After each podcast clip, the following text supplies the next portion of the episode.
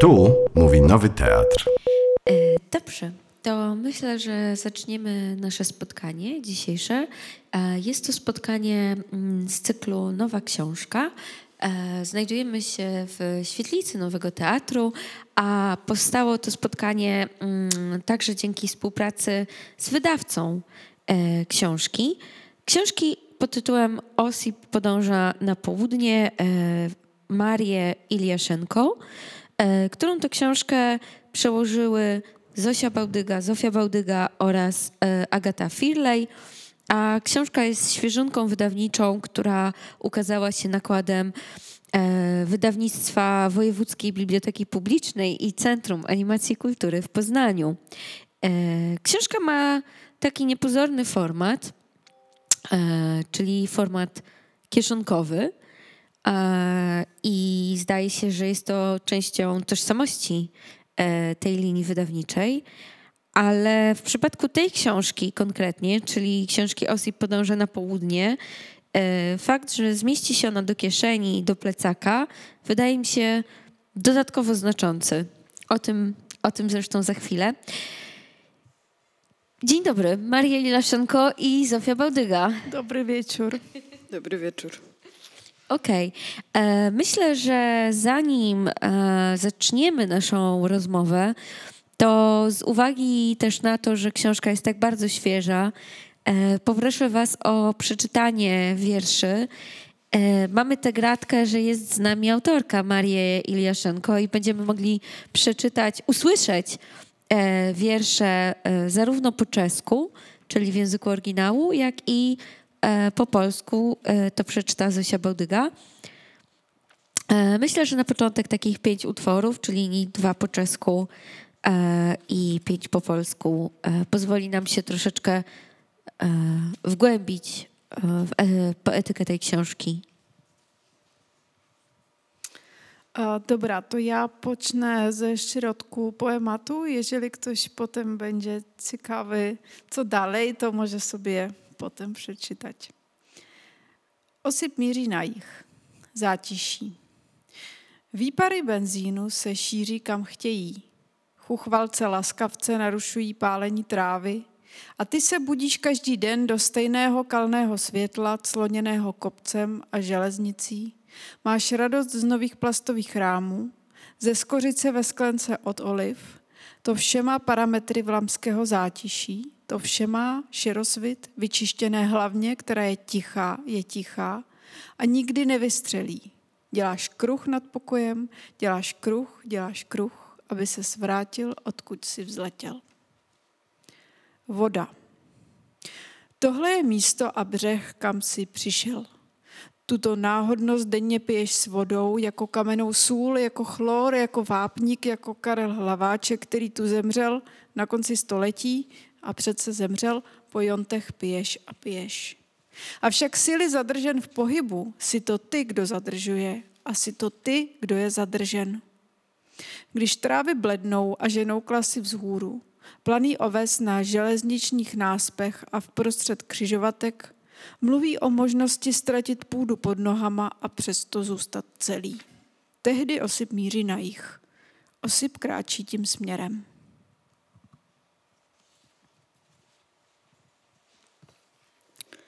Osip podąża na południe. Martwa natura. Opary benzyny unoszą się dokąd chcą. Plątanina szkarłatu zakłóca wypalanie traw. A ty codziennie budzisz się w tym samym przyćmionym świetle, przysłoniętym pagórkiem i torami. Cieszysz się z nowych plastikowych okien, z cynamonu w słoiku po oliwkach. Całość spełnia kryteria flamandzkiej martwej natury, podkreśla to wszystko. Światłocień wyczyszczonej lufy, która jest cicha, jest cicha i nigdy nie wystrzeli. Zataczasz koło nad pokojem, zataczasz koło, zataczasz koło, by wrócić tam, skąd przyleciałeś.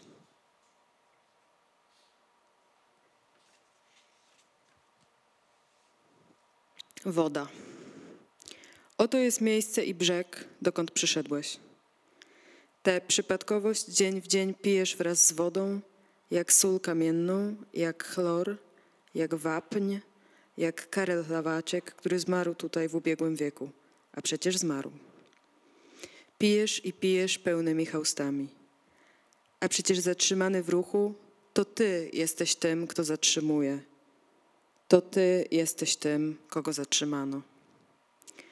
Kiedy trawy tracą witalność i wypuszczają kłoski ku górze, owiec głuchy na nasypach kolejowych i na środku skrzyżowań szumi o tym, że można stracić grunt pod nogami i pozostać nietkniętym.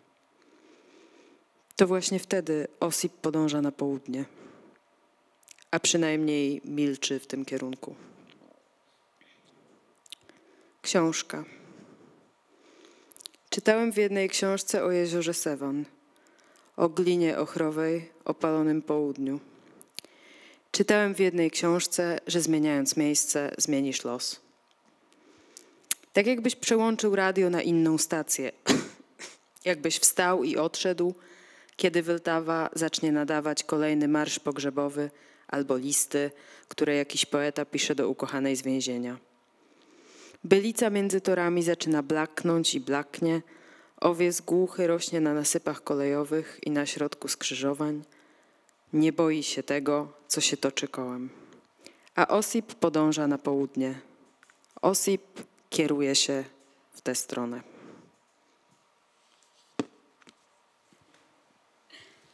Okej, dziękujemy e, za te wiersze. To były wiersze w jakiejś mierze paralelne po czesku i po polsku, e, plus jeden pod tytułem książka. E, myślę, że ta książka mm, ma taką specyficzną budowę, mm, bo składa się, tu jest wybór wierszy. E, wybór wierszy z trzech książek. Nie, nie, to Z jednej? Jest debiut. To jest debiut? To jest całość? Tak, to jest cały, to zupełnie taki samy jak czeski. dobrze. To ja zmodyfikuję moje pytanie. To ja. Też w formie kieszonkowej. To zmodyfikuję moje pytanie. E, skąd wzięły się zatem te trzy różne części? Ja byłam przekonana, że to są trzy różne książki. I myślę, że to jest e, może właśnie znaczące. Um, no, um, po prostu jedną częścią książki jest ten poemat, z którego czytaliśmy. I to jest jakby okrema historia, która jest bardzo związana z dzielnicą Libeń, e, która się ludziom kojarzy z Bohumilem Hrabalem i, i mnie też się kojarzyła. Kiedy tam się przeprowadziłam, byłam bardzo smutna, że się przeprowadzę do brzydkiej dzielnicy, z bardzo pięknej, hipsterskiej, dzisiaj hipsterskiej dzielnicy. E, Jak się nazywa? Mieszkałam e, na Letnej, Letna i dzisiaj mieszkam znowu jakby tam. Dzisiaj to jest super, super modna dzielnica. Wtedy nie była, ale była taka bardzo miła. I tak się zdarzyło, że musieliśmy się mm, przeprowadzić do Libni, bo była tańsza i tak było. I e, Libeń pozostała, proszę bardzo, może wygląda tak, no już nie zupełnie, ale coś wygląda tak samo, jak kiedy tam mieszkał Hrabal. I ja poczęłam czytać jego książki związane z, z Libni i mówiłam do siebie, że musisz to tam jakoś pokochać, czy chociaż spróbować. E, więc ta część jest bardzo związana z tą dzielnicą. Tam jest rzeka, tam jest brudno, tam jest śmieci, ale jest, jest bardzo fajna. Nie, nie wiem, co tam jest. Ona jest taka... Ona jest taka autentyczna jakaś. Ona jakoś pomaga wyobraźni. E, No tak. E, Więc to jest e, część z książki Osip, Osip podąża na południe. Potem jedna część książki jest bardzo związana z Gdańskiem, gdzie, gdzie studiowałam. Może I- powiemy, jaki nosi tytuł ta część. E, Danziger Zeitung, bo ja tam pojechałam, e, myślałam, że tam będę pisała e, doktorat, bo mnie akurat ciekawili bardzo takie miejsca, gdzie są jakieś dwie czy więcej kultur, które jakoś jedna przechodzi po drugiej, ale można tam znaleźć te pozostałe rzeczy. I Gdańsk jest jednym z takich miast. Ale nie napisałam doktoratu, tylko że napisałam książkę. I e, więc jest to jakby. Tak, jest to, jest to ten dzisiejszy Gdańsk, ale też tam są wszys- wszystkie te historie z czasów, em, kiedy Gdańsk był niemiecki. No a reszta są jakby różne wiersze, które są połączone tematem podróżowania na przykład, czy też choroby, czy innych rzeczy. A więc po prostu tak poskładałam ten debiut. No.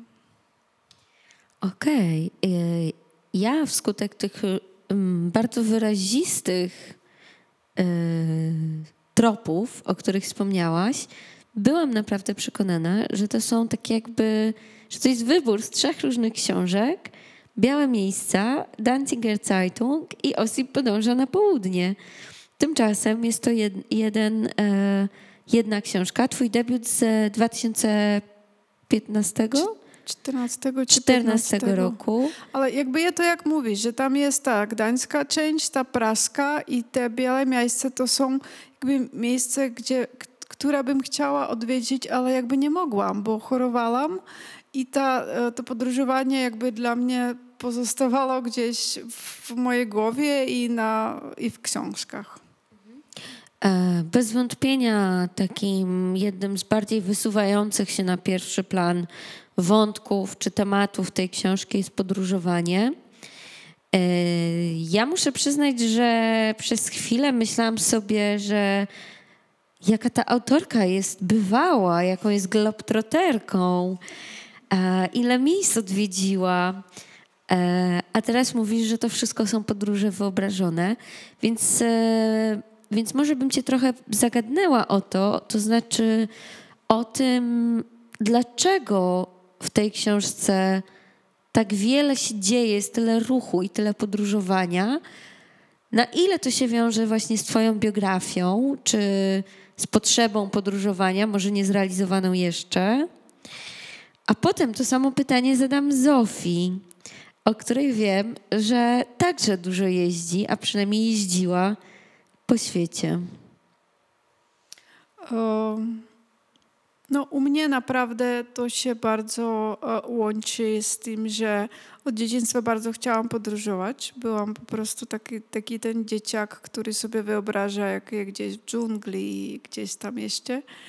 Em, ale potem się tak zdarzyło, że ochorzyłam i że jakby wiedziałam, jak wszyscy ty moi e, rówieśnicy podróżują, a ja nie mogłam. Czy mogłam, ale zawsze to było takie bardzo ciężkie podróżowanie. Um, więc o tym pisałam, ale nie o, nie o wszystkim. Na przykład tam jest tam Jerozolima i w Jerozolimie na, naprawdę byłam. Pojechałam, poleciałam z Gdańsku do Jerozolimy.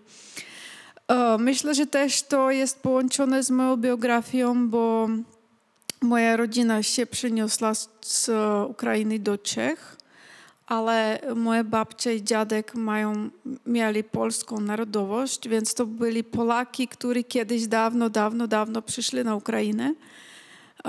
Więc jakoś jest to wpisane w moją biografię. Inna sprawa jest, że tam też ty pytałaś, czy tam jest jakoś poeta Osip Mandelstam. I Jeszcze nie zadałam tego pytania, Tak, ale ale w mówiliś- kuluarach mówiliśmy w kuluarach i chciałam tylko powiedzieć, że mm, to był poeta, który e, miał e, coś, coś ze mną w tym wspólnego, bo on bardzo pisał o Europie, o Włoszech. On bardzo jakby chciał e, podróżować po Europie, bo się czuł e, e, Europejczykiem, ale nie mógł, bo polityka, bo tak było w, ta, w, tak, w takim czasie mieszkał. Więc mi się wydaje, że to nasze e, pragnienie zobaczyć świat, że ono jest po prostu jakoś, e, to jest jedna z takich ludzkich cech może. I jakoś to się w tej książce pojawiło. E, To muszę jeszcze Cię dopytać o dwie rzeczy, bo rzeczywiście to jest ciekawa ta paralela e, pewnego, pewnej niemożności w przypadku Mandelsztama, e, niemożności związanej z reżimem, w jakim żył. Bardzo pięknej użyłaś figury zamieszkiwania w czasie, a nie w miejscu. E, a w Twoim przypadku jest to choroba, która wyklucza podróżowanie. Ale jest jeszcze jeden trop, który dla mnie osobiście jest ważny, bo ja oczywiście też jestem, e, też dużo podróżuję i jeżdżę. E, mianowicie podróżowanie kobiece. To nie jest kobieca czynność podróżować. Raczej nie w takim typowym, stereotypowym ujęciu kobieta nie jest tą, która wyjeżdża, kobieta jest tą, która czeka. E, czy myślałaś o tym? Wiesz co, o tym akurat piszę więcej w drugiej książce, bo ona się nazywa Swati Outdoor i to jest wymyślony święty, który jest patronem tych, co nie siedzą w domu, ale akurat są w outdoorze. Tam jest taki obraz Penelopy i, i Odyseusza, ale jak naprawdę od dzieciństwa um, bardzo lubiłam czytać o kobietach, które akurat podróżują i miałam takie um, wzory, wzory, to tak po polsku tak samo, miałam takie wzory. I wiem, że byli zawsze, nawet, nawet w XVII stuleciu byli takie kobiety. Um, więc myślę, że to nie jest taki problem i kiedy byłam zupełnie młoda, to w ogóle to dla mnie nie był problem. To ja jeździłam tymi nocnymi pocia- pociągami z Czech do Polski w ogóle mi nie przyszedło na myśl, żebym spotkała jakiegoś pijaka czy coś tam niebezpiecznego. To dopiero teraz mi to się zdarza. Ale um, jeszcze chciałam coś, coś k temu powiedzieć um, i zapomniałam. No. A może w ogóle, no, czy, czy sądzisz, że różni się kobiece podróżowanie od męskiego A, już podróżowania? wiem, co, co chciałam powiedzieć. Kiedy byłam, kiedy dopiero zaczęłam pisać jeszcze na gimnazjum, to jedna z moich takich pierwszych wierszów, który wygrali tam ja- jakąś nagrodę studencką, to był wiersz Mazare Sharif. To jest na imię tego miasta. I mm, potem bardzo myślałam o tym, że kiedy byłam zupełnie młoda, że na przykład ten wschód był zupełnie inne miejsce, że jakby jeszcze nie było wszystkich tych ty Al-Kaidy, nie było jakby wszystkich tych, um, jak, jak się rzeknie, unos? Porwania nie były. Po prostu jakby to miejsce było bardziej roman- romantyczne, było romantyzowane, to był ten wschód, jak sobie wyobrażamy w jakichś tam starych bajkach. Ale potem, kiedy wyrastaliśmy i byli te rzeczy w New Yorku i poczęła się Al- Al-Kaida i, i teraz ta wojna w Syrii i to wszystko, po prostu wszystko się zmieniło i przestało to być jakby egzotyczne, romantyczne miejsce. I na przykład ja już nie mam w ogóle e, tak, takie marzenie tam pojechać, bo z tego romantycznego miejsca to teraz widzę bardziej politycznie. E, więc taką, tak mi to się poukładało w głowie. E, Myślę, że kobiet, dla kobiet jest to troszkę waższe podróżować, ale nic z tego nie musimy robić i musimy podróżować nadal. Okej, a zapytam ciebie, e, Zofio, Zofio, bo ty jesteś taką naszą e, polską poetką globtroterką, polską poe- poetką ekspatką. E, właściwie ciekawi mnie, jak siebie teraz określasz, czy jako e, emigrantkę, czy, czy nie, czy to jest częścią twojej tożsamości? I może od razu na ile to się wiąże e, z przekładaniem, czy w ogóle się wiąże, czy jest jakieś powiązanie między podróżowaniem a przekładaniem literatury? No, wiesz co, jeszcze zanim odpowiem na to pytanie, to a propos tego, co powiedziałeś, że podróżowanie nie jest czynnością kobiecą. E, Tak może być, jeżeli mówimy o takim podróżowaniu e, odkrywczym, powiedzmy, albo rozrywkowym, ale na przykład jeżeli weźmiemy pod uwagę migrację w skali globalnej, to większość osób uchodźczych na świecie to jednak są kobiety. E, Więc jeżeli chodzi o przemieszczanie się, to nie jest do końca tak, że kobiety tylko czekają, ale już tak, już tak nie jest. No bo. Ale, a jeżeli chodzi o mnie, to ja nie wiem, ja chyba jestem migrantką już, a nie podróżniczką. No właśnie, wyjechałaś z Polski. Znaczy nie chyba, tylko na pewno. E, ale kiedyś, teraz już nie podróżuję tyle co kiedyś, ale też wydaje mi się, że podróżowanie się bardzo zmieniło na przestrzeni. To jest też to, o czym ty zaczęłaś, ale ty zaczęłaś mówić o takim niebezpieczeństwie i ryzyku.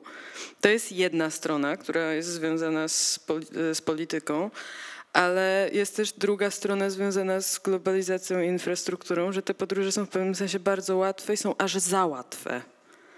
Że ja na przykład nie mam specjalnie ochoty na podróże po Europie Zachodniej już, bo mam wrażenie, że to jest tak uprzemysłowione, że wszędzie na mnie czeka jakby taki gotowy, e, gotowe doświadczenie z jakimś takim schematem odbioru, który mam mieć.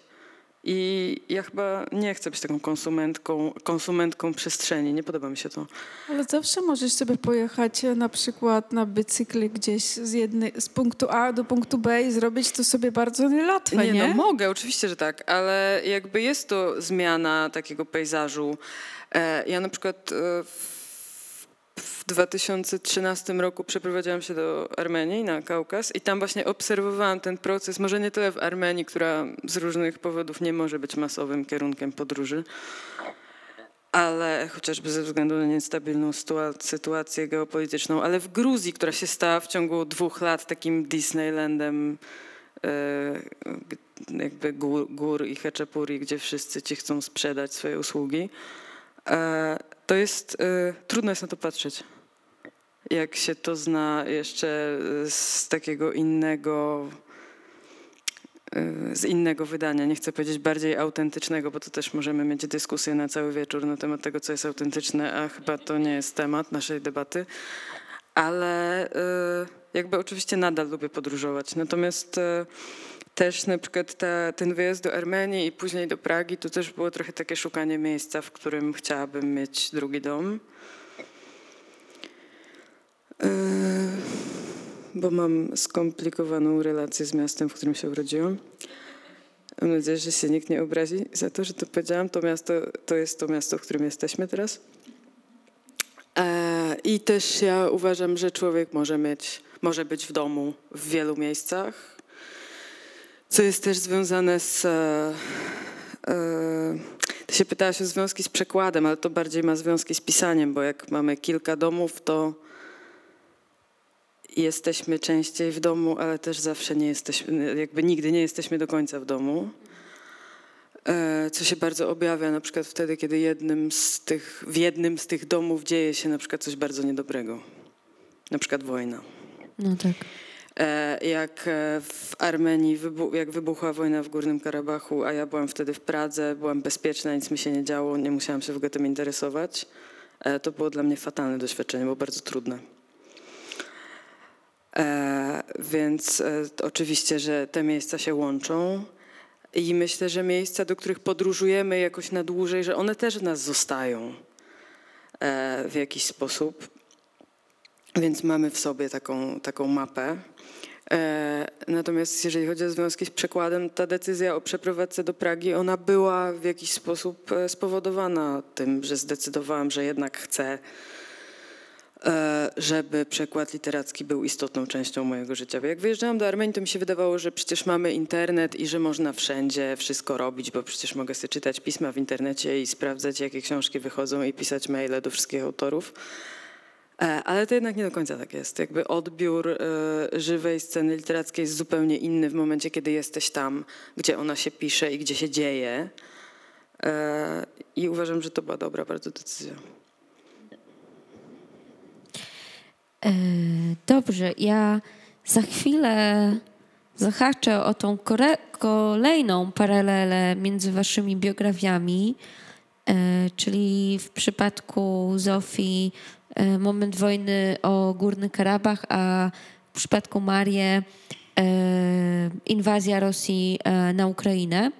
Ale zanim Zanim może byśmy o tym pomówiły, bo, bo jest to coś, o czym wydaje mi się warto pomówić, e, to e, chciałam jeszcze troszeczkę o takiej materialności czy zmysłowości podróżowania, która w tej książce e, wybrzmiewa, bo teraz jak e, Marię powiedziała, że to nie jest doświadczenie realne, tylko wyobrażone, to w jakiejś mierze ja zaczynam rozumieć, e, dlaczego ta warstwa materialna i zmysłowa jest tak intensywna, tak rozbuchana.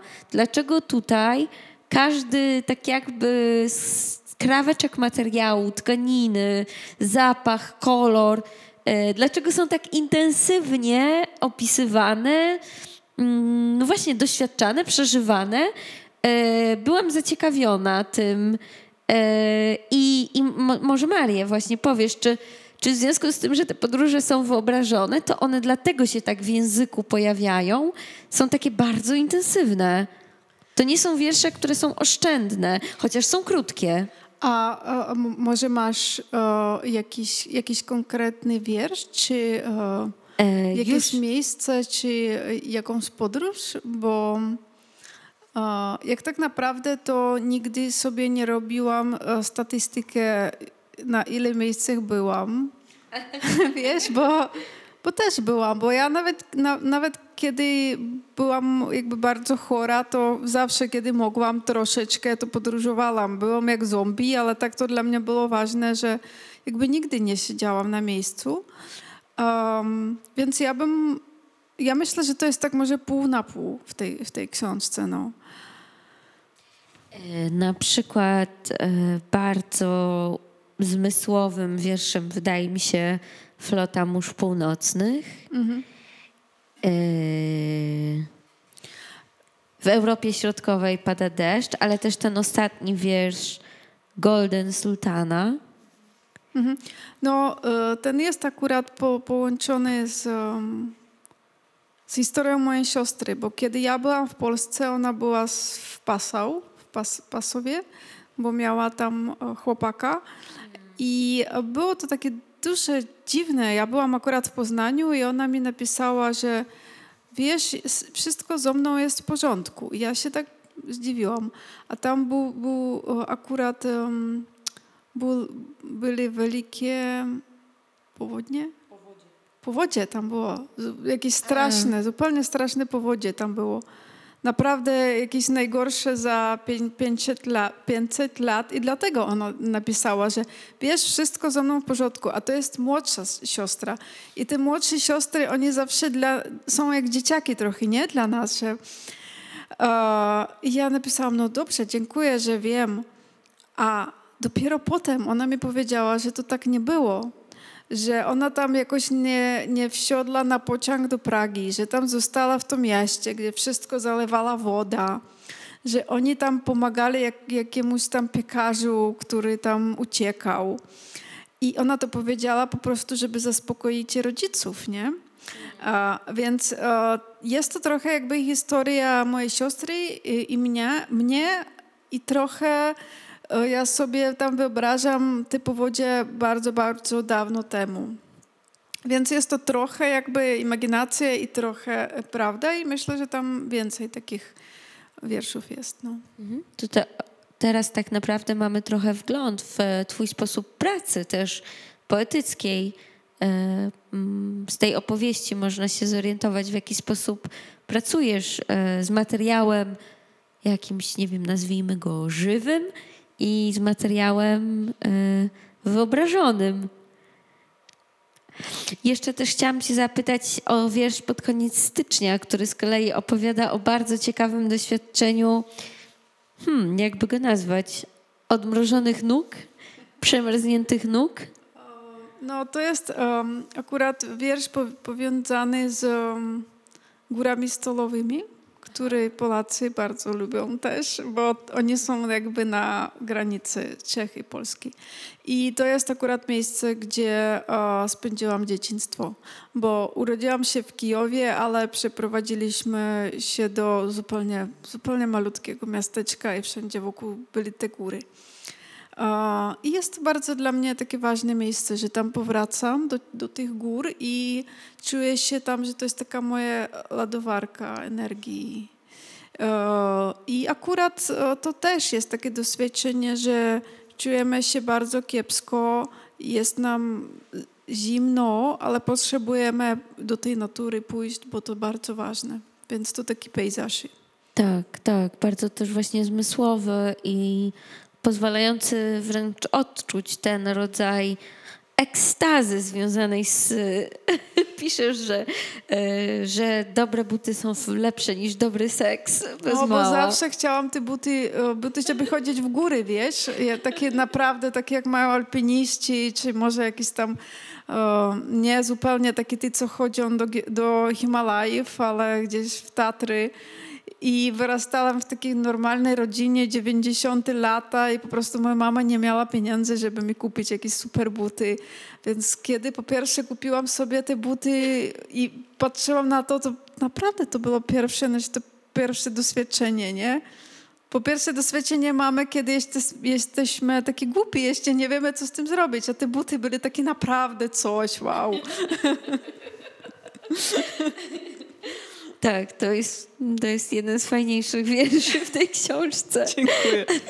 Kiedy doświadczenie nowych, wspaniałych trepów, jak to przekłada e, Zofia, trepów e, jest porównane do ekstatycznego pierwszego seksu. E, dobrze, e, to myślę, że chciałabym troszeczkę odpłynąć od tej zmysłowości i podróżowania, co było bardzo ciekawe, bo też pokazywało ten rodzaj ruchu i bezruchu, który też napędza książkę, bo w tej książce jest dużo takiej dynamiki, takiego napięcia pomiędzy ruchem, podróżą, być może wyobrażoną, ale zastygnięciem także, bezruchem, namysłem, być może powrotem. Nie do końca wiadomo. Eee, to może teraz e, trochę więcej podpytam Zofię o, o to, co powiedziałaś e, w kontekście przeprowadzki do miejsca, do wybranego przez siebie właśnie tej ojczyzny z wyboru. E, W Twoim przypadku są to Czechy, a konkretnie Praga. Mogłabyś przybliżyć historię e, związaną z Twoim odkryciem tej książki? W jaki sposób, e, właśnie, właśnie, jak ją odczytywałaś za pierwszym razem, a jak za kolejnym razem? Jak Ci się pracowało? Taką historię w tle. Wiesz co, e, ta książka jest starsza niż moje praskie życie. Także ja ją e, po raz pierwszy przeczytałam, jak przyjechałam do Pragi z, e, z... Cześć. Jak przyjechałam do Pragi z Armenii i wtedy przyjeżdżałam na, e, na chwilę zawsze, na, na kilka dni i chodziłam zawsze do księgarni albo do kilku księgarni. Kupowanie poezji współczesnej w praskich księgarniach jest bardzo trudne, więc chodziłam e, wszędzie, gdzie, bo nie ma po prostu, tak więc chodziłam tam, gdzie myślałam, że mogłyby być jakieś nowości i e, jak wyjęłam tę książkę z półki i otworzyłam ją na wierszu, który zresztą czytałam na tym wierszu książka, w którym e, pojawia się Armenia w ogóle, znaczy jezioro Sewan, które Tak, jest w właśnie, bo ten kierunek południowy dla Osipa Mandelsztama to No tak. Armenia. No. Więc e, tak sobie czytałam to. Stwierdziłam, że muszę kupić tę książkę. Potem ją przeczytałam całą. Stwierdziłam, że szkoda, że nie napisałam takiej książki, ale w takim razie muszę ją przetłumaczyć. E, tylko, że to trwało długo, bo ja ją kupiłam niedługo po tym, jak się ukazała. Ona była wtedy na półce z nowościami, także to musiało być w 2014, 2015. E, I wtedy jakoś ki- kilka miesięcy później e, zaczęłyśmy pisać do siebie i ja przetłumaczyłam e, te dwa cykle, które jeden, który był dla mnie ważny z powodu związków z Armenią i drugi, który ten gdański, bo wydawało mi się, że e, sensowne jest pokazanie go polskim czytelnikom. Ale przez cały czas myślałam o tym, że, że chciałabym to zrobić całe kiedyś, ale mm, czekałam na dobry czas i ten czas przyszedł w momencie paradoksalnie, kiedy zaczęła się pandemia i nie można było podróżować, a w Pradze nie można też było wychodzić z domu po 21. Więc ja wtedy, wtedy e, tłumaczyłam wiersze i zrobiłam, zrobiłam cały ten przekład, jakby nie wiedząc, czy znajdę wydawcę, czy nie, no ale wszystko się udało i mamy, mamy książkę. E, I ona dla mnie jest rzeczywiście taką, takim szczególnym tomem, bo kiedy staram się tłumaczyć, powiedzmy mniej więcej na bieżąco, najnowszą czeską poezję, to nie zawsze jest tak, że to są wiersze, które są mi e, bliskie osobiście jako autorce i jako człowiekowi z jakimś doświadczeniem. A ta książka jest mi bardzo bliska i językiem, i jakby taką warstwą obrazową i tą tematyką. Także ja też mam bardzo szczególny stosunek do Europy Środkowej jako konceptu kulturowego, także zawsze się cieszę, jak e, czytam teksty, które starają się go w jakiś sposób ożywiać albo aktualizować, bo powiedzmy, że ta debata z lat 90. na temat granicy Europy Środkowej jest bardzo anachroniczna i nie jest już dzisiaj chyba atrakcyjna dla e, ludzi, którzy są młodsi niż my. A mnie się jednak wydaje, że to jest, e, że to jest koncepcja, którą warto jest jakoś aktualizować. E, może przez podróże, może politycznie, może jeszcze jakoś inaczej, ale ja jednak myślę, że stale, e, że wciąż warto. To może przybliżmy troszeczkę ten.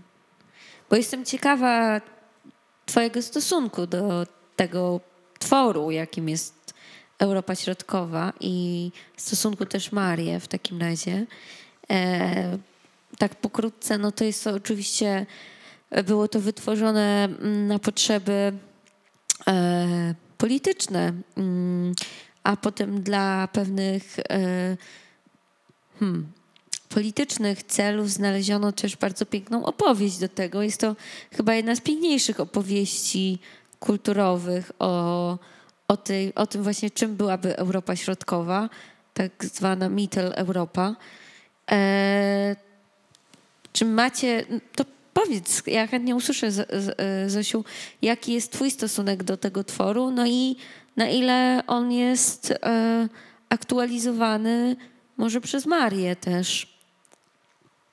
Wiesz co, ja y, mam bardzo emocjonalny stosunek do tego tworu, także nie wiem, czy potrafię to jakoś zdefiniować, bo ja po prostu e, bez żadnych jakby politycznych albo geopolitycznych albo historycznych uzasadnień czuję się w tym obszarze w domu, powiedzmy.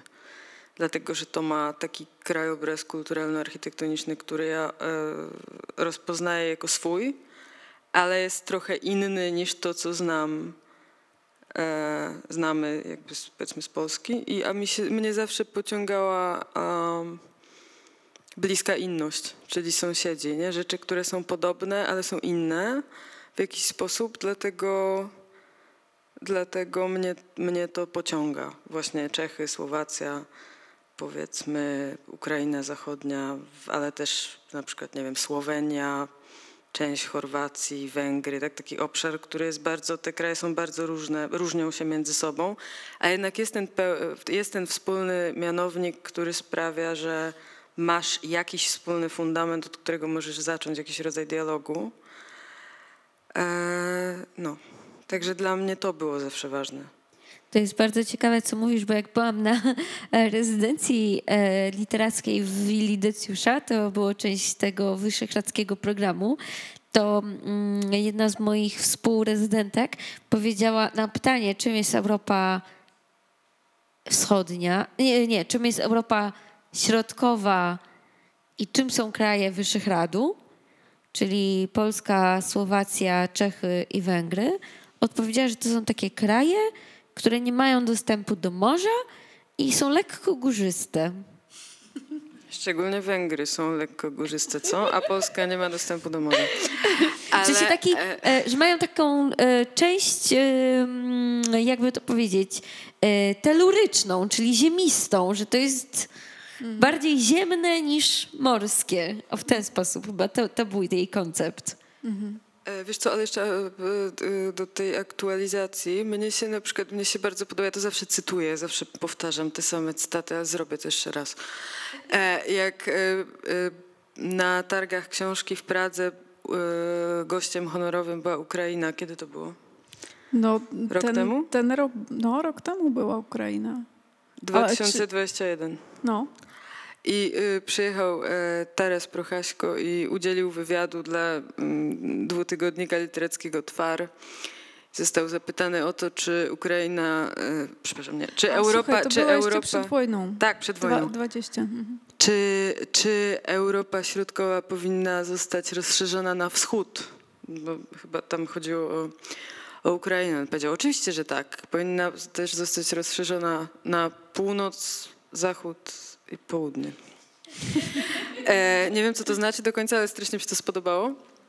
A później, e, jak e, pracowałam trochę przy organizacji takiej e, nagrody imienia Wacława Buriana, która jest organizowana w Ołomuńcu jako upamiętnienie czeskiego polonisty Wacława Buriana, to też pojawił się taki głos, że właśnie, że powinniśmy rozszerzyć do, zap, zaprosić jeszcze jeden kraj, bo tam jest, e, są Czechy, Polska, Słowacja i obszar niemieckojęzyczny, niby cały. E, I właśnie była taka dyskusja, czy może zaprosić jeszcze jeden kraj i tym krajem została Białoruś ostatecznie. Właśnie też jako taki gest, który miał w pewien sposób rozszerzyć koncepcję, e, odwołując się właśnie w jakiś sposób do, tego, do tej tradycyjnej definicji Milana Kundery, że Europa Środkowa to ukradziony Zachód, czyli podać rękę temu, kto teraz jest w takiej sytuacji, w jakiej byliśmy my x lat temu.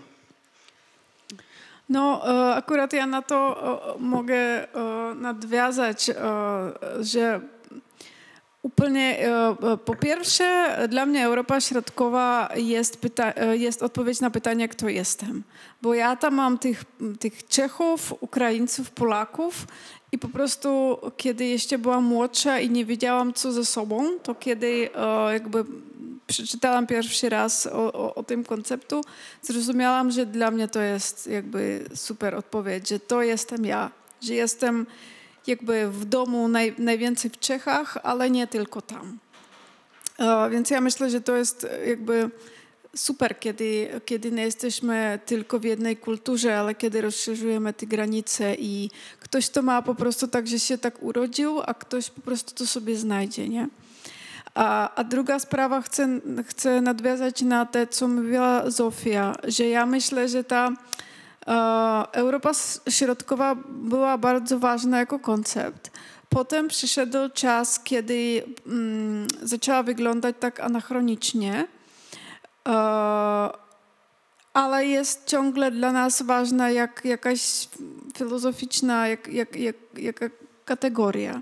E, Bo kiedy rozmawiałam ze swoją koleżanką z Kijowa e, i mówię, no a co ty sądzisz o Europie Środkowej? Bo wiemy, że zawsze tam jakby Lwów tak, ale Kijów już nie, a to co jest dalej na wschód, to już wschód. I, ale my teraz, bo jest ta sytuacja na Ukrainie, jest ta okropna wojna, my chcemy pokazać Ukrainie, że jakby patrzy do Europy, nie? Że, Tak. że, że ma prawo, jakby, że chce być, chce być częścią. I ja mówię, no słuchaj, a co ty myślisz o tej koncepcji, bo ona jakoś nie działa, nie, teraz. A ona mówi, wiesz co, my, my teraz na to patrzymy tak, że jakby cała Ukraina to jest Europa Środkowa, dlatego, że kiedy w Lwowie była Austro-Węgria, to ten Lwów i to ukraińskie środowisko kulturalne było i tak bardzo związane z Kijowem, z Charkowem, wszystko to jakby było połączone, wszystko to działało, więc cała Ukraina jest Europa Środkowa. I ja w tej chwili tak ja nie wiedziałam, co odpowiedzieć, bo czułam się tak, że bym bardzo chciała powiedzieć, no tak, tak, oczywiście jesteś ty też nasza Europa Środkowa, jakby, ale, ale miałam przed sobą tą mapę i, i, tak, i, i- tak, no ale przecież to nie można jakby już ten wschód tak poszerzać, ten, ten środ po, na ten wschód. Więc i to jest bardzo takie e, świeże doświadczenie. I więc ja muszę powiedzieć, że ja do dzisiaj nie wiem, co z tym robić, bo może my, żeby em, pokazać Białorusi i Ukrainie, że jest to jakaś z nami całość historycznie i kulturalna, może potrzebujemy jakąś nową kategorię, czy już w ogóle jakby nie potrzebujemy e, spracować tą Europą Środkową. Ale co zamiast tego, jakby, no... Jakaś nowa Europa. Bo myślę, że tam, e, gdzie się zaczyna Rosja, że to naprawdę się zaczyna jakiś inny obszar kulturalny, historyczny, mentalny. E, W jakimś sensie to jest jakaś inna cywilizacja, nie? W jakimś sensie. Teraz to jakby widzimy bardziej. Ale no, bardzo, bardzo to jest ciekawe pytanie, co robić dzisiaj z Europą Środkową. No, muszę powiedzieć, że zaskoczyłyście mnie e, jako z kolei osobę, która jest z Polski, ale jest z całkowitej północy Polski. Więc dla mnie, e, można powiedzieć, nadmorskiej dziewczyny, doświadczenie bycia e, w takich krajach jak Słowacja czy Czechy nie jest do końca doświadczeniem bycia w domu. Ja się bardziej w domu czuję w miastach portowych. To jest w takim razie bardzo też osobnicza kwestia i pokazująca e, tych bardzo wiele różnych lokalności, które można mieć, prawda? E, Nie spodziewałam się, że dzisiaj będę musiała myśleć o Europie Środkowej, ale oczywiście pomyślę o niej. I, e, i, e, I skoro twierdzicie, że jest to nadal inspirująca i płodna kategoria, to być może, a nie być może, na pewno, e, na pewno tak jest. Dobrze, ja muszę mm, w takim razie pomału otworzyć naszą dzisiejszą dyskusję na pytania z tak zwanej sali, e, bo może takie są. E, Mamy tutaj e, gości, więc jeśli ktoś z Państwa chciałby zadać jakieś pytanie albo nawiązać do czegoś, o czym mówiły autorka i tłumaczka, to jest ten moment.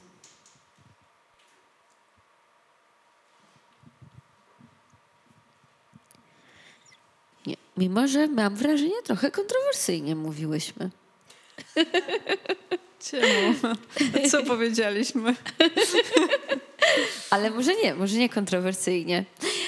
E, Okej, e, dobrze. Wiemy trochę już o tym, w jaki sposób e, Zofia pracowała nad przykładem tej książki. Widzimy znowu kolejną taką niteczkę związaną z tym unieruchomieniem pandemicznym, zamknięciem, które umożliwia e, jakiś rodzaj podróży w coś, w tym wypadku w przekład. E, to ja cię, Marię, poproszę o opowieść, w jaki sposób ty pisałaś tę książkę i z czego ona się wzięła. No trochę już powiedziałam, prawda? Trochę tak. A więc co, um, co ciebie ciekawi jeszcze, bo z której strony mam opowiadać? Mm, no, jest to twoja książka debiutancka. Mm, w przypadku e, książek debiutanckich często jest tak, że one powstają przez dłuższy czas. E, Więc może jakbyś mogła powiedzieć nam, przez jaki czas ona powstawała. Wiemy, że jest ten okres gdański, twój. Wiemy, że jest ten okres. No właściwie tylko o, Gda- o gdańskim wiemy. Um, Dzieciństwo nieruchome albo bardziej unieruchomione niż w przypadku równolatków. no, um, A co z osipem? E, No, jak powiedziałam, wyrastałam w takim małym miasteczku e, i kiedy przyszłam e, do Pragi studiować na uniwersytet, to przestałam pisać, bo musiałam zarabiać pieniądze i studiować i to było bardzo ważkie, bo tak się mm, u mnie w życiu stało, że byłam taka bardzo niezależna. Było to trochę głupie, ale tak, tak to było. Znam to. więc długo nie pisałam i potem poczęłam znowu pisać, ale już tak do szufladki, i, e, bo myślałam, że ben, będę e, akademik. E, akademik to, to miejsce, gdzie mieszkają studenci, tak? A też, a też nie tylko, a też, też ten, kto na uniwersytecie tam sobie bada. No i akurat e, potem, kiedy pojechałam do Gdańsku pisać doktorat, to jakoś wszystko mi to się tak za, zamotało. Ja e, powróciłam do poezji i e, w koloarach też pytałaś mnie na ten wiersz e, Nie lubię Gdyni, bo mówiłaś mi, że jesteś z Gdyni, nie wiedziałam to. E, to też jak z tą moją siostrą, to jest tak, tak, taki sam wypadek, że po prostu um, jeden z tych e, doktorów z uniwersytetu a kiedy przyjechał mój znajomy z Pragi, nam zrobił taką wycieczkę po mieście i opowiadał nam o Gdańsku, ale też trochę coś opowiadał o siebie. Opowiadał, że, że miał jakąś żonę i że teraz ma nową żonę. I, i, i takie te kawałki tego, co mi opowiadał, jakoś, mi, jak, jakoś poskładałam w taki statement. I Gdańsk i Gdynia są tam jak takie miejsca bardzo różne, to stare i to nowe, bo wtedy czytałam, że, że Gdynia powstała w takim samym czas, czasie jak Tel Awiw Tak. i że ma, że ma dużo wspólnego. E, I tak się mi to po prostu połączyło. I też to było takie moje e, życiowe taki moment, kiedy mm, ja byłam 10 lat, byłam z, z jednym chłopakiem i, i rozumiałam, że muszę to skończyć. I było to bardzo ważkie, bo byłam jeszcze bardzo młoda, nie miałam doświadczeń. I e, więc tam jest i taki ten, ten wątek, że ktoś mówi, że życie z tobą jest pułapka, więc ja muszę iść, sorry, że inaczej nie mogę. Więc tam się połączyła znowu jakaś moja historia i historia tego obcego człowieka, który coś opowiada i ja to sobie domyślam. E, Ale tak naprawdę mi się Gdynia też podoba, więc to, nie tak, to nieprawda. Honor Gdyni uratowany. Nie, y, jasne, to powiem ci, że istnieje coś takiego jak rywalizacja pomiędzy tymi dwoma miastami. Zresztą nie jest to coś, o czym świat nie słyszał. Zazwyczaj takie miasta sąsiednie ze sobą rywalizują. Na Śląsku zdaje się, że jest to a, Katowice i Sosnowiec, jeśli dobrze pamiętam. Naprawdę? Tak. Bo, bo, bo w ogóle teraz bardzo przepraszam, jeżeli ktoś jest z, Osno, z Sosnowca, ale nigdy nie słyszałam, że coś takiego istnieje. A o Katow- Katowicach słyszę ciągle. Ale, ale u nas tak jest Hradec Kralowej i Pardubice. No tak właśnie, jest, prawda? no. No. No, tak, jest to takie, takie ludzka potrzeba tworzenia jakiejś opozycji i e, czy na przykładzie, nie wiem, drużyn sportowych z tego samego miasta, e, wieczne derby e, danego miasta. E, więc Gdynia z Gdańskiem owszem rywalizują ze sobą i rzeczywiście mają bardzo odmienne tożsamości. Tak. No, ale muszę, muszę powiedzieć jakby już e, na serio, że Gdańsk dla mnie jest bardzo ważny, e, dlatego że to jest to miasto z Europy Środkowej w tym sensie, że tam są te warstwy kulturowe. I dla mnie to było bardzo ciekawe to śledzić, czytać e, tego Grasa, a potem, potem tego Hille i, i kto tam jeszcze, Chwin. I, i, i patrzeć, jak to jest jakoś powiązane.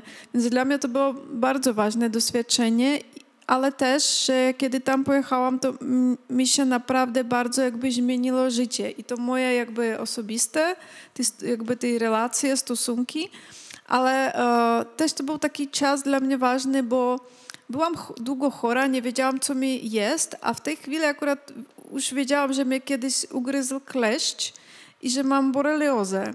I poczęłam się leczyć antybiotykami. I to dla mnie było bardzo, bardzo taki ważny moment w życiu, że jakby miałam jakąś nadzieję, która powstała, że kiedyś będę zdrowa, ale też to znaczy, że teraz muszę się truć tymi antybiotykami. Więc dla mnie w życiu to po prostu to miasto jest dla mnie już na zawsze bardzo ważne i myślę, że to o, nie przypadkiem, że tam poczęła się ta książka jakby pisać. A potem, kiedy przyjechałam do Pragi, to zaczął zupełnie inny czas w moim życiu i zaczęło powstawać jakby jeszcze tam kilka innych wierszy, ale tak mniej więcej już była jakby napisana w tym Gdańsku i, i napisał do mnie mój dawny, dawny znajomy jeszcze z czasów studenckich, napisał, że słuchaj, ty masz piękne wiersze, wysłałaś nam do czasopisma, no to zrobimy ci książkę. A ja byłam taka zdziwiona, bo myślałam, że zrobić pierwszą książkę to zawsze strasznie trudno, że trzeba pisać do 15 wydawnictw i bardzo prosić i się modlić k bogam różnym. A on mi po prostu tak, zrobimy ci książkę. I to było wydawnictwo Host, gdzie akurat o, z nimi współpracuję. I tak powstała ta książka. Więc taki podarunek. Bardzo to jest piękna historia e, o, o czym mówisz. E, I znowu też e, pokazuje te takie niteczki powiązań e, pomiędzy biografiami. Może taką, takim ostatnim pytaniem będzie ten osip, to znaczy piszesz w motcie do trzeciej części, czyli części tytułowej, Osip podąża na południe. E, Podajesz cytat, piękny, po prostu piękny cytat z Osipa Mandelsztama. E, Tutaj akurat on jest przy, mm, przytoczony przez Zofię w tłumaczeniu Ryszarda Przybylskiego i brzmi on tak. Pisarz to mieszaniec papugi i popa. E, No to powiedz nam na koniec, kim jest Osip. No, Osip je jak takim, taka postać, jak na przykład e, David Bowie sobie robił takie postacie, nie? Żeby się tak przewcielać i grać. I Osip też powstał tak, że ja chciałam jakby trochę pisać o siebie, ale wiedziałam, że to nie może być dokładnie Marię, bo Maria jest dziewczynką i mieszka w Pradze w tym, w tym roku, a ja potrzebowałam coś trochę inne. E, Potrzebowałam jakąś postać, która jest na miejscu, gdzie mm, tak naprawdę nie chce być i chce sobie ulecieć gdzieś. E, Więc Osip trochę to jest opowiadanie o tym Mandelsztamie, który całe życie bardzo się czuł tym Europejczykiem, ale nie mógł w ogóle jakby z tego swojego miejsca. E, A potem to jest jakby taka bajka o małym ptaszku, który siedzi w domu, ma tą klatkę, ale widzi wszystko tam poza oknem i chce ulecieć. I ten ptaczek, ptaszek bardzo lubi słowa, bo wiemy, że papugi są takie, że niektóre papugi bardzo lubią słuchać i mówić. I naprawdę miałam taką papugę, która siedziała na radiu i tam e, w tym tłumaczeniu tam jest takie miejsce, że Wltawa wysyła pochody nadaje marsze. Ja teraz pomyślałam, że mieliśmy napisać, że radio Wltawa, żeby ludzie wiedzieli i że mieliśmy napisać, że ten Karol Lawaczek jest poetą, nie? Że teraz widzę, że jakby w Polsce to tak nie jest zrozumiałe, ale u nas radio Wltawa to jest taka bardzo seri- seriozna, dobra, tradycyjna stacja radiowa. Ale nie, niegdy taka nudna. I ten, ten mój ptaszek tak sobie siedział zawsze na tej Wltawie i coś tam opowiadał. Więc jest to taka poetyczna postać. Nawet bym nie powiedziała, że to jest symbol, ale, ale jest to bardziej taka gra z, taka z, tosta, z tożsamością. Tak. Okej, to ja Was poproszę na koniec o przeczytanie wierszy. Dobra, to my przeczytamy coś z tego gdańskiego kawałku.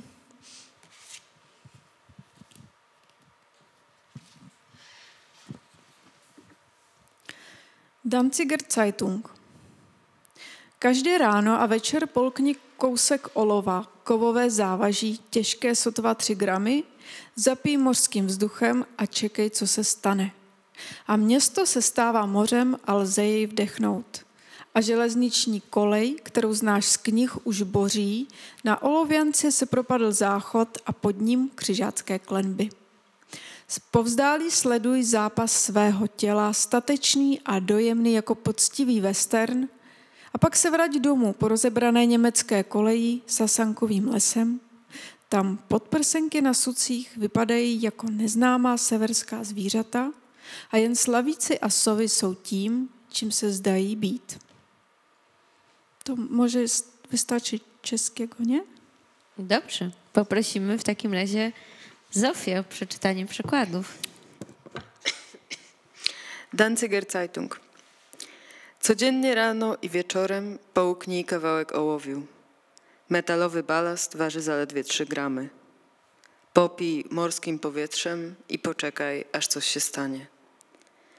A miasto staje się morzem i można je wdychać, a kolej żelazna, którą znasz, z książek, już się wali. Na ołowiance zapadł się kibel, a pod nim krzyżackie sklepienia. Z oddali obserwuj walkę własnego ciała, dzielną i wzruszającą jak porządny western. a później wróć do domu po rozebranych niemieckich torach przez zawilcowy las, gdzie biustonosze wiszące na sękach wyglądają jak nieznane zwierzęta północy i tylko słowiki i sowy są tym, czym się wydają. Birdwatching.pl Nie lubię Gdyni. Umiarkowany modernizm, sfaszyzowany, cnotliwy Bauhaus, brak eklektyzmu, niekończące się proste. Tel Awiw północy. Mosty, na które wspinaliśmy się w młodości, niszczeją. Oczywiście, Gdynia pełna jest sztucznych ścian. Mieszkam w Gdańsku. W sezonie na bursztyny jeżdżę do Sobieszewa obserwować ptaki. Nie lubię Gdyni. Pochodziła stamtąd moja pierwsza żona, która mnie zostawiła. Powiedziała mi kiedyś przy śniadaniu: Życie z tobą jest pułapką. Dopiła swoją ulubioną kawę z mlekiem i poszła. Niech jej Bóg błogosławi. Powinienem był nalać sobie jeszcze filiżankę i poczekać, tak jak się czeka na sieweczki obrożne albo bursztyn na wyspie Sobieszewskiej.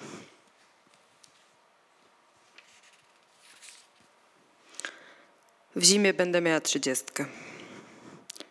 Stare, napuszone gołębie, mruczące jak koty, chodzą umierać na galerię Biblioteki Uniwersyteckiej.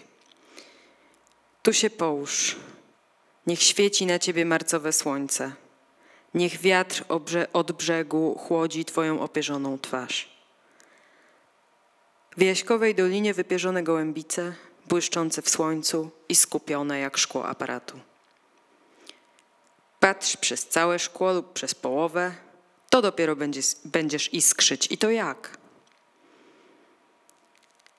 My, pozostali pomiędzy Nową Oliwą i Starym Wrzeszczem, między niemieckim Beszlakwerkiem a polskimi Fidrygałkami, między już nie umieram, ale jeszcze nie mogę na słońce, trochę poturbowani, ale jeszcze zdolni nabrać ostrości w słonym, spienionym, bezimiennym powietrzu.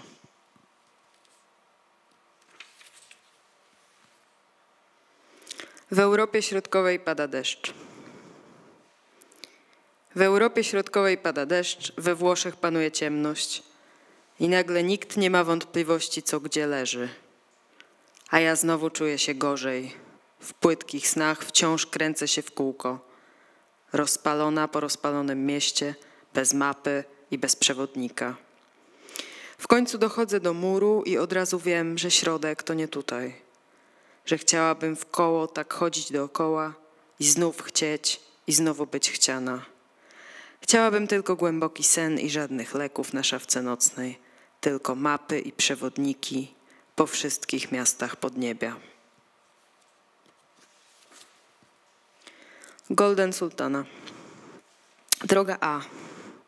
Kiedy piszesz, jak wylał Dunaj, po prostu w pewnej chwili przelała się miarka, wyciekł jak woda z garnka, a oszalałe od wolności ryby zaczęły szukać sobie miejsca pomiędzy szyldami. Czuję się, jakbym to widziała. Kiedy piszesz, że było gorzej niż w 1501, od razu przychodzi mi na myśl ten piekarz, który pozwolił się przeprowadzić na drugi brzeg, żeby uratować przed wodą niewierną żonę i, cór- i czwórkę dzieci. A później włosy jego najmłodszej córki, nie w kolorze lnu, ale rodzynek, niesione gdzieś w kierunku Budy i Pesztu i Puli, aż do ujścia, ujścia Dunaju, tam gdzieś leży Solnce Briak. Sama wiesz najlepiej, że nasze plany to nic więcej niż zarzuty, a topografia jest rzeczą zupełnie prywatną. Skoro możesz jednocześnie być w Budzie i w Peszcie i w Pasawie, a Pasawa nie może być Wenecją, na pewno nie. Myślę też o tych sułtankach, ale Dunaj nie mógł inaczej. Dunaj nie mógł inaczej. Dunaj nie mógł inaczej, Złotko. Dziękuję. Dziękujemy. To była Maria Iljasenko i Zofia Bałdyga z książką Osip podąży na południe. No i zachęcamy do czytania.